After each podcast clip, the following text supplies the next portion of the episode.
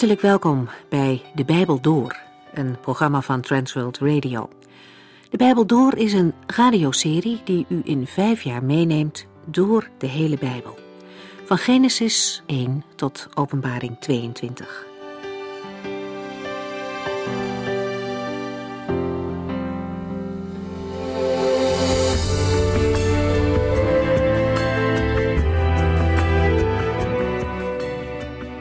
In deze aflevering gaan we verder met het Bijbelboek Deuteronomium. Het boek waarin het veel over liefde en gehoorzaamheid gaat. Twee dingen die bij elkaar horen als het gaat om het dienen van de Heere God. In hoofdstuk 11 zagen we de vorige keer dat Israël de belofte krijgt van God dat ze het land in bezit kunnen nemen, ook al zijn ze uit zichzelf niet zo sterk. Later zal blijken dat Israël zich niet alles heeft toegeëigend wat de Heere hen had gegeven. En in veel opzichten geldt dat in geestelijke zin vandaag ook nog. Veel christenen leven onder het geestelijke niveau van alles wat de Heere in zijn woord heeft beloofd en toegezegd. Het is helemaal niet nodig om geestelijk aan de rand of in geestelijke armoede te leven. Alle gelovigen zijn immers gezegend met de geestelijke zegening die er in de hemel is. De Heere wil dat al zijn kinderen hem gehoorzamen en in geestelijke overvloed leven. In de welvarende samenleving van vandaag de dag is er van alles en nog wat heel makkelijk te krijgen en te gebruiken. Het kan maar zo gebeuren dat al die welvaart en gemak ervoor gaan zorgen dat iemand God vergeet. De indringende oproep van Mozes om daarvoor te waken klinkt net zo goed voor ons. Het is goed om de wegen die God wijst in zijn woord te leren kennen en te volgen. Dat brengt zegen in ons leven, maar ook in onze omgeving. Hoofdstuk 12 gaat over de plaats waar de Heerde wil dat zijn volk zal samenkomen. Hier wordt als het ware geschilderd wat het toekomstideaal is van God. Een volk dat rust heeft en geen vijanden. Een land waar afgoderij geen plaats heeft. Dan zullen de mensen genieten van de rijke opbrengst van het land en daar de eerste zegen van teruggeven aan de Heere. Voor het aangezicht van de Heere zullen de mensen het goed hebben en leven in blijdschap. In geestelijk opzicht kunnen we dat nu toepassen op het christenleven. We gaan verder. Deuteronomium 13 vanaf vers 6.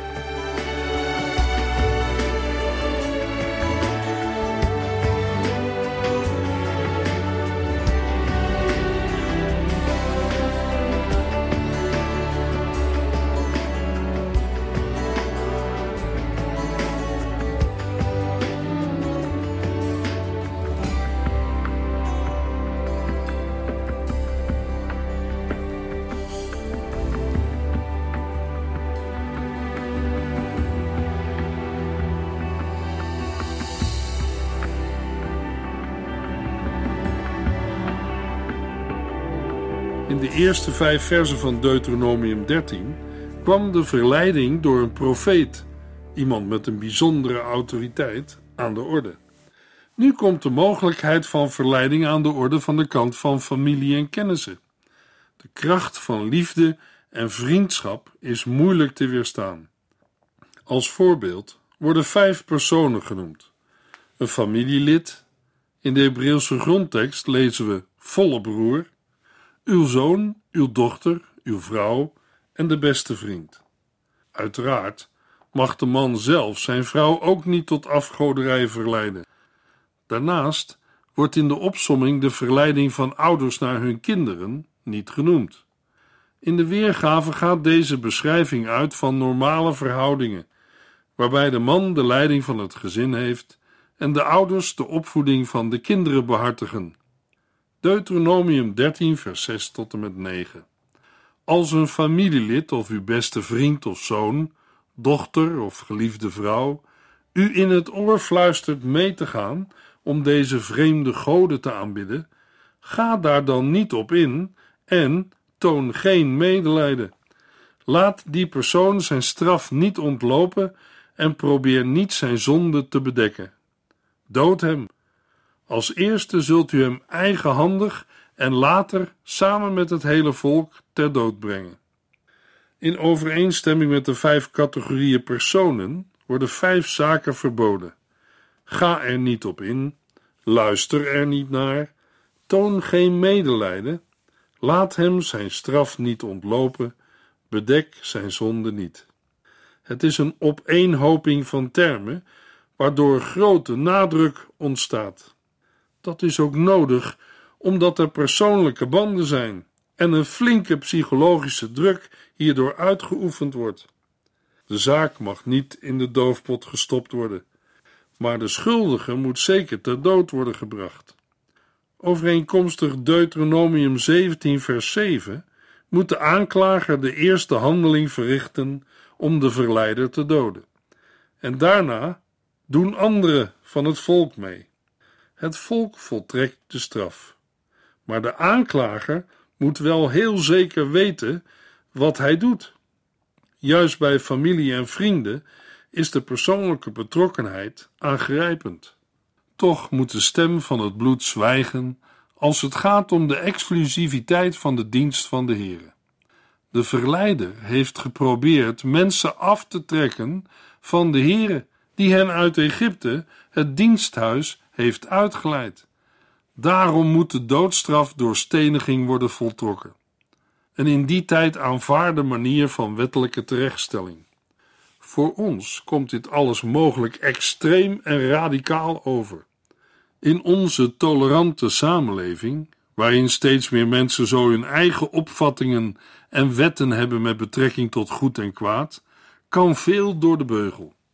Maar in Israël moest de aanklager zelf de eerste steen gooien.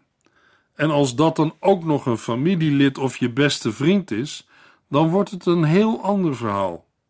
Aan de andere kant moeten wij de dingen wel op de juiste wijze inschatten. Ik maak het duidelijk met een voorbeeld. Toen, in de tijd van Israël, het noordelijke koninkrijk in ballingschap werd gevoerd, was dat zeker ook geen pretje. Duizenden mensen werden gedood en de meeste van de overlevenden werden in slavernij weggevoerd naar het wrede land Assyrië. Waarom? Omdat de Israëlieten de afgoden waren gaan dienen in plaats van de Here.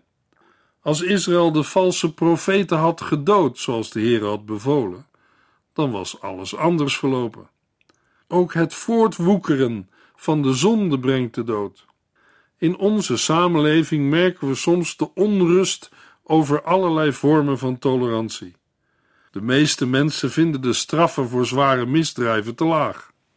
Als het een beetje meezit, dan loopt de zwaarste crimineel na een paar jaar weer buiten. Deuteronomium 13, vers 10 en 11. Stenig hem totdat hij dood is, omdat hij probeerde u weg te lokken van de Heere uw God, die u uit het land Egypte, het slavenhuis, bevrijdde. Dan zal heel Israël van deze gebeurtenissen horen en zich goeden voor zo'n slechtheid. Wanneer de executie wordt uitgevoerd, zal heel het volk ervan horen en zich goeden voor zulke goddeloosheid. Het gevolg zal zijn dat niemand meer opnieuw zal proberen zo'n wandaad te bedrijven. De Heere heeft het volk Israël de doodstraf bevolen. Wij vinden dat de doodstraf niet past bij onze moderne maatschappij. Maar welke straffen in onze maatschappij schrikken misdadigers nog af? In heel veel grote steden durven mensen s'avonds niet meer op straat. Vroeger werden de deuren niet eens op slot gedaan. Ons eigen land is afgedwaald van de Here en ook zendingsland geworden. Alles wat Israël is overkomen, is voor ons een voorbeeld. Laten wij van dat voorbeeld leren. Deuteronomium 13, vers 12 tot en met 16. Als u ooit hoort dat er in een van de steden van Israël een aantal gewetenloze mannen de rest van de inwoners tot afvalligheid heeft gebracht door voor te stellen vreemde goden te dienen, controleer dan eerst de feiten om te zien of het gerucht waar is. Als u ontdekt dat het waar is en dat werkelijk zoiets vreselijks is gebeurd in een van de steden die de Heer u heeft gegeven, gebruik dan al uw wapens tegen die stad en vernietig alle inwoners en ook al het vee. Daarna moet u voor de Heer uw God de hele buit in een van de straten opstapelen en samen met de hele stad in brand steken. Die stad zal voor altijd een uitgestorven puinhoop blijven en mag nooit worden herbouwd. Nu wordt een derde geval van afvalligheid genoemd. Een hele stad kan worden tot een poel van verderf. Als dat bericht de anderen bereikt, wat moet er dan gebeuren? Eerst moest onderzoek worden gedaan en de feiten worden vastgesteld. Bij bevestiging van afvalligheid moet er tot uitvoering van het vonnis worden overgegaan. Maar de uitvoering is heel ernstig. Alles moet worden vernietigd. De doodstraf wordt in deze situatie voltrokken door het zwaard en niet door steniging, zoals in de vorige situatie. De inwoners zijn met elkaar schuldig en moeten alle sterven. Ook zij die passief waren en niets hebben gedaan om de afvalligheid te verhinderen. Ook een minderheid moet protesteren tegen dingen die verkeerd zijn en afvoeren van de Heere. Ook in de uitvoering van het vonnis wil de Heere absolute gehoorzaamheid. Deuteronomium 13, vers 17 en 18. Houd niets van de buit achter. Dan zal de Heere niet meer toornig zijn en hij zal u genadig zijn. Hij zal zich uw lot aantrekken en u tot een groot volk maken, zoals hij uw voorouders beloofde. Zo zal de Heer uw God u behandelen als u hem en zijn geboden die ik u vandaag geef, gehoorzaamt en als u doet wat goed is in zijn ogen. Het uitroeien van volksgenoten, beter gezegd, van het kwaad onder volksgenoten, geeft geen getalsmatige groei van de bevolking. Maar de Heere vervult de belofte van groei door het afsnijden van dode takken. Groei is er alleen bij een gezond geestelijk leven. Daarom moeten de Israëlieten luisteren, gehoorzamen, door al Gods geboden te onderhouden, om te doen wat recht is, wat goed is in zijn ogen. Met deze algemene oproep eindigt Deuteronomium 13. Het is niet bekend of een dergelijke maatregel ooit tegen een stad is toegepast. De waarschuwing tegen afgodendienst komt nog vele malen voor in de Bijbel en wordt ook in het Nieuwe Testament herhaald. Bijvoorbeeld in 1 Corinthiërs 10, waar de verbinding gelegd wordt met de demonen. Ook in 1 Johannes 5, vers 21. Vrienden, houd u ver van alles wat Gods plaats in uw hart zou kunnen innemen. Alleen de Heere mag aanbeden worden. Openbaring 19 en 22. Ook een eigenmachtige invulling van de godsdienst staat de Heere niet toe. Colossense 2 vers 23 en Gelaten 1 vers 7. De christelijke kerk heeft in de loop van de geschiedenis maar al te vaak geprobeerd een compromis te sluiten met andere opvattingen. Ook met de achterliggende gedachte om meer invloed te kunnen uitoefenen. In onderscheid met de tijd van het Oude Testament is de gemeente van Christus niet meer geroepen om afvallige mensen te doden. We kunnen zeggen dat de gemeente van Christus de tucht meer op herstellende wijze uitoefent, met de bedoeling dat de zondaar tot inkeer komt. 1 Corinthiërs 5 vers 11 tot en met 13. Helaas is de kerkelijke tucht in de geschiedenis van de kerk meer dan eens op een gewelddadige manier uitgeoefend, met oorlogen en kettervervolging. Aan de andere kant is de tucht ook verwaarloosd, al dan niet met een beroep op gegroeide gewoonten en gedachten van mensen. Uit de praktijk blijkt dat de tucht een van de moeilijkste aspecten is van het gemeente zijn. Er is zeker vandaag veel wijsheid en inzicht van de Heilige Geest bij nodig. Mogen de Heere kerkenraden en oudsten zijn wijsheid schenken bij het leiden van de gemeente en het uitoefenen van de tucht. Laat er in alle gevallen eerst een grondig onderzoek plaatsvinden. De Bijbel laat zien dat zo'n onderzoek tot de eerste voorwaarden behoort. Persoonlijke relaties en emoties mogen niet de doorslag geven. Voor alle die afwijken geldt dat het kennen en verwerpen van het evangelie erger is dan het nooit gehoord te hebben. Matthäus 11 en 2 Petrus 2. Deuteronomium 14 vers 1 en 2. Omdat u het volk van God bent, mag u zich niet snijden als teken van rouw en ook het haar op uw voorhoofd niet afscheren. U bent het speciale eigendom van de Heere, uw God. Hij heeft u uitgekozen als zijn bezit uit alle volken die op de aarde leven. Nadat de opdracht om Canaanitische heiligdommen af te breken en het verbod om andere goden te dienen aan de orde zijn geweest, staan in Deuteronomium 14 enkele bepalingen die op het eerste gezicht weinig met elkaar te maken hebben. Na de bespreking ervan wordt een poging gedaan om het onderlinge verband duidelijk te maken, en wel in relatie tot het derde gebod: gebruik de naam van de Heere niet verkeerd. In de eerste verse vinden we twee rouwgebruiken die onder Israël niet zijn toegestaan. Een Israëliet mag zichzelf geen insnijdingen toebrengen om een dode, en ook niet het haar boven het voorhoofd wegscheren. Beide praktijken komen bij de heidense volken voor, onder andere in Oegariet.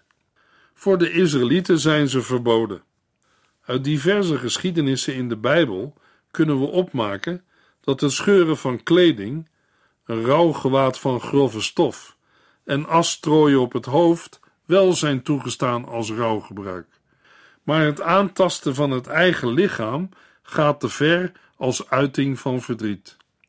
Waarschijnlijk is de betekenis vooral dat men geen tekenen van de dood in het eigen lichaam mag aanbrengen. Dat past niet bij het volk van God. Hier wordt in het Oude Testament al iets zichtbaar van wat Paulus later zal zeggen: dat het treuren van Gods kinderen anders is dan van hen die geen hoop hebben. 1 Thessalonicense 4 vers 13. De motivatie om deze twee rouwgebruiken na te laten is: U bent het speciale eigendom van de Heere. De dood van leden van het volk verandert daar niets aan. En juist dan moeten ze tonen wie ze zijn. Deuteronomium 14, vers 3 tot en met 7. U mag geen dieren eten die ik onrein heb verklaard. Dit zijn de dieren die u mag eten: runderen, schapen, geiten, herten, gazellen, reeën, steenbokken, antilopen, berggeiten en wilde schapen. Elk dier dat geheel gespleten hoeven heeft en bovendien zijn voedsel herkoud, mag worden gegeten.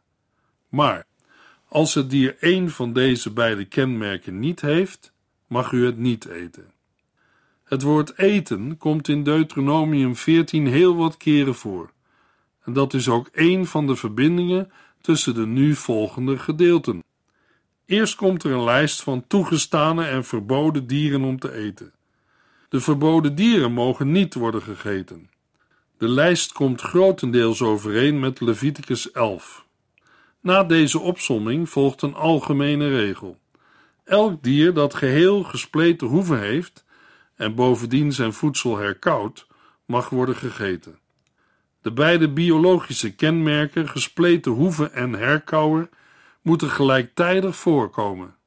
Als een dier maar één van de beide kenmerken heeft, mogen de Israëlieten er niets van eten en mogen zij ook het aas van deze dieren niet aanraken. Zowel levend als dood zijn deze dieren onrein en verboden om te eten.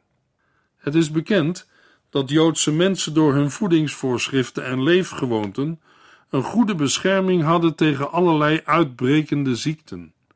Zonder godsdienstige motieven is het al wijs om naar het woord van de Heere te luisteren en ernaar te handelen. God heeft christenen geen speciaal voorschrift gegeven over wat wel en niet mag worden gegeten. Ik denk wel dat als we zijn voedingswetten bestuderen en navolgen, we langer zullen leven. Wat is de achtergrond van het onderscheid tussen reine en onreine landdieren? Het herkauwen geldt als kenmerk van de planteneter. De dieren met hoeven zijn in het algemeen ook planteneters. Het lijkt erop dat vleeseters onrein zijn, en dat zal te maken hebben met het bloed dat zij nuttigen. Daarnaast mogen de dode dieren niet aangeraakt worden. Daarin zien we verband met de dood, zoals die in de eerste verse van Deuteronomium 4 is genoemd, bij de rouwgebruiken. Deuteronomium 14, vers 9 en 10. Alleen zeedieren met vinnen en schubben mogen worden gegeten. Alle andere soorten zijn onrein. Vervolgens komen de waterdieren aan de orde. Hier worden geen soorten vermeld, maar alleen een algemene indeling. Waarschijnlijk houdt het verbod verband met de wijze van voortbewegen. Het gekrioel duidt op chaos en niet op een normale en geordende voortbeweging. Waterdieren konden worden onderscheiden door uiterlijke kenmerken, vinnen en schubben. Weekdieren en schelpdieren zijn onrein.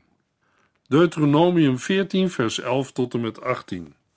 U mag alle vogels eten behalve de arend, de lammergier, de zeearend, de wouw, de gier, alle soorten kraaien en raven, de struisvogel, de katuil, de meel en alle soorten sparrows, de steenuil, de oehoe en de witte uil, de pelikaan, de aasgier en de aalschover, de ooievaar en alle soorten reigers, de hop en de vleermuis. Na de waterdieren zijn de vogels aan de beurt. De reine vogels mogen gegeten worden, maar de roofvogels zijn verboden. Na deze opsomming van vogels staan insecten vermeld, samengevat in gevleugelde insecten. Deze dieren als vliegen, kevers en muggen zijn onrein voor de Israëlieten en mogen niet gegeten worden. De uitzonderingen worden in Deuteronomium 14 niet vermeld. Leviticus 11 noemt de sprinkhanen. Het lijkt erop dat alles wat ongeordend voorbeweegt en meer dan vier poten heeft, bij de insecten onrein is en niet mag worden gegeten. Ten slotte kan de vraag gesteld worden wat de genoemde onderwerpen te maken hebben met het derde gebod, dat wij meestal opvatten als niet vloeken. Zoals bij Deuteronomium 5 vers 11 uitgelegd is, mag de naam van de Heere niet in verband gebracht worden met oneerlijke zaken, met zaken die niet bij hem passen. In positieve zin is dit een oproep om de naam van de Heere te heiligen, de taak van een heilig volk. Zijn naam, Yahweh, betekent dat hij actief nabij is, Exodus 3 vers 14. Hij is de levende, die aan zijn volk het leven geeft, en daarom moet het volk zich verhouden van dieren die de dood symboliseren. Het heilige volk behoort in levensstijl, ook in het eten, te laten zien wie men dient. Deuteronomium 14, vers 22 en 23. U moet trouw elk jaar de opbrengst van al uw oogsten door tien delen. Breng een tiende deel naar de Heere uw God op de plaats die hij zal kiezen als zijn heiligdom en eet daar het tiende deel van uw koren, uw jonge wijn, uw olijfolie en het eerstgeborene van de runderen en schapen. Het doel van het geven van de tiende is u te leren God altijd de eerste plaats in uw leven te geven. De Heere had beloofd om zijn volk in materieel opzicht te zegenen als ze hem willen dienen. Als opbrengst van die zegen moesten zij een tiende deel van hun oogsten en van hun vee aan de Heere opdragen. Dat tiende deel mogen zij dan opeten voor het aangezicht van de Heere op een heilige plaats die door de Heer is bepaald en aangewezen. Het zal een speciaal feest voor de Heere worden. Het doel van het geven van de tiende is u te leren God altijd de eerste plaats in uw leven te geven. Vers 23. Deuteronomium 14, vers 24 tot en met 26. Als de plaats die de Heere voor zijn heiligdom kiest te ver weg is om uw tiende daarheen te kunnen brengen, mag u het tiende deel van uw oogsten en uw kudden verkopen en het geld naar het heiligdom van de Heere brengen. Als u bij het heiligdom aankomt, mag u het geld gebruiken om er een os, een schaap, wijn of een andere sterke drank voor te kopen. Voor de ogen van de Heere zult u daarmee feest vieren en blij zijn, samen met al uw huisgenoten. De Israëlieten krijgen de opdracht jaarlijks 10% van de opbrengst van hun akkers apart te zetten voor de Heere. De bedoeling is dat deze tienden gebracht worden naar het centrale heiligdom. Daar mogen de Israëlieten eten van de tiende van al hun oogsten. Dit roept de vraag op of er een tegenstelling is met nummer 18, waar de tienden worden toegekend aan de Levieten, terwijl in Deuteronomium 14 de Israëlieten ervan mogen eten. De oplossing is vermoedelijk dat de gehele tiende voor de Levieten bestemd zijn, maar dat de Israëlieten een klein deel ervan mogen gebruiken voor een maaltijd bij het heiligdom. Het is onaannemelijk dat de bezoekers hun tiende van de oogst, waarvan ze normaal gesproken ruim een maand kunnen leven, nu geheel zelf mogen houden en opeten. Op het kleine deel na voor de gezamenlijke maaltijd zal heel de tiende bestemd zijn voor de geestelijkheid. Deuteronomium 14, vers 28 en 29.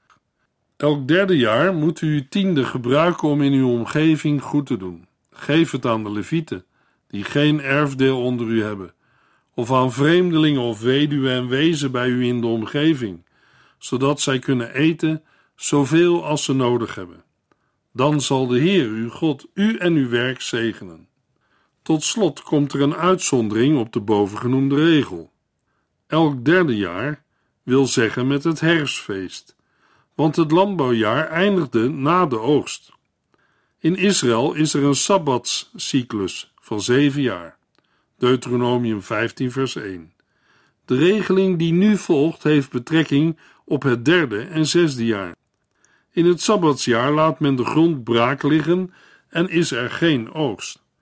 In het eerste, tweede, vierde en vijfde jaar van elke sabbatcyclus moet de Israëliet zich houden aan bovenstaande regel. Maar in het derde en zesde jaar geldt een afwijkende bepaling. Dan moet men alle tiende van de opbrengst van dat jaar niet naar het heiligdom brengen, maar opslaan in de eigen plaats of stad.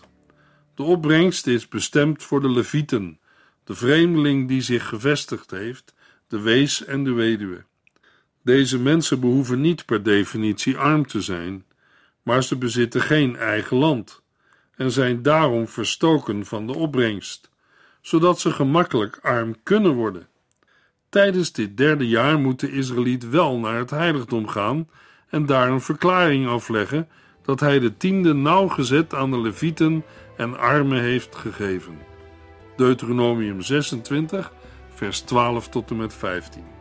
De plichten tegenover de Here worden geen moment losgemaakt van die tegenover de naaste. In de volgende uitzending lezen we Deuteronomium 15 en 16.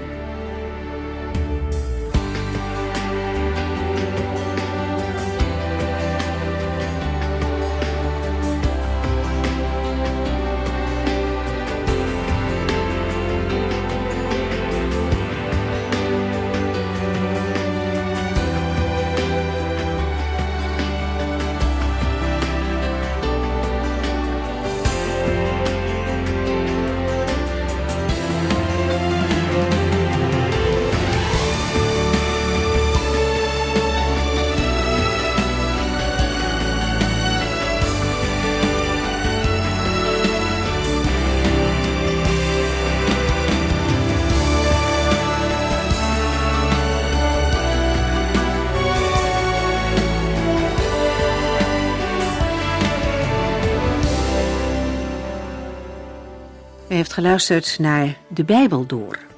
In het Nederlands vertaald en bewerkt door Transworld Radio. Een programma waarin we in vijf jaar tijd de hele Bijbel doorgaan. Als u wilt reageren op deze uitzending of u heeft vragen, dan kunt u contact met ons opnemen. Tijdens kantooruren kunt u bellen op 0342 47 8432. 0342 47 8432. 32. Ook kunt u een e-mail sturen naar de Bijbel door transworldradio.nl en natuurlijk kunt u ook via de post ons bereiken. TWR, postbus 371, postcode 3770, AJ in Barneveld. Dit programma werd gepresenteerd door Cor Weda en Ike André. Techniek was in handen van Odin van Woerdekom. En wij allemaal bedanken u voor het luisteren. Graag tot de volgende keer.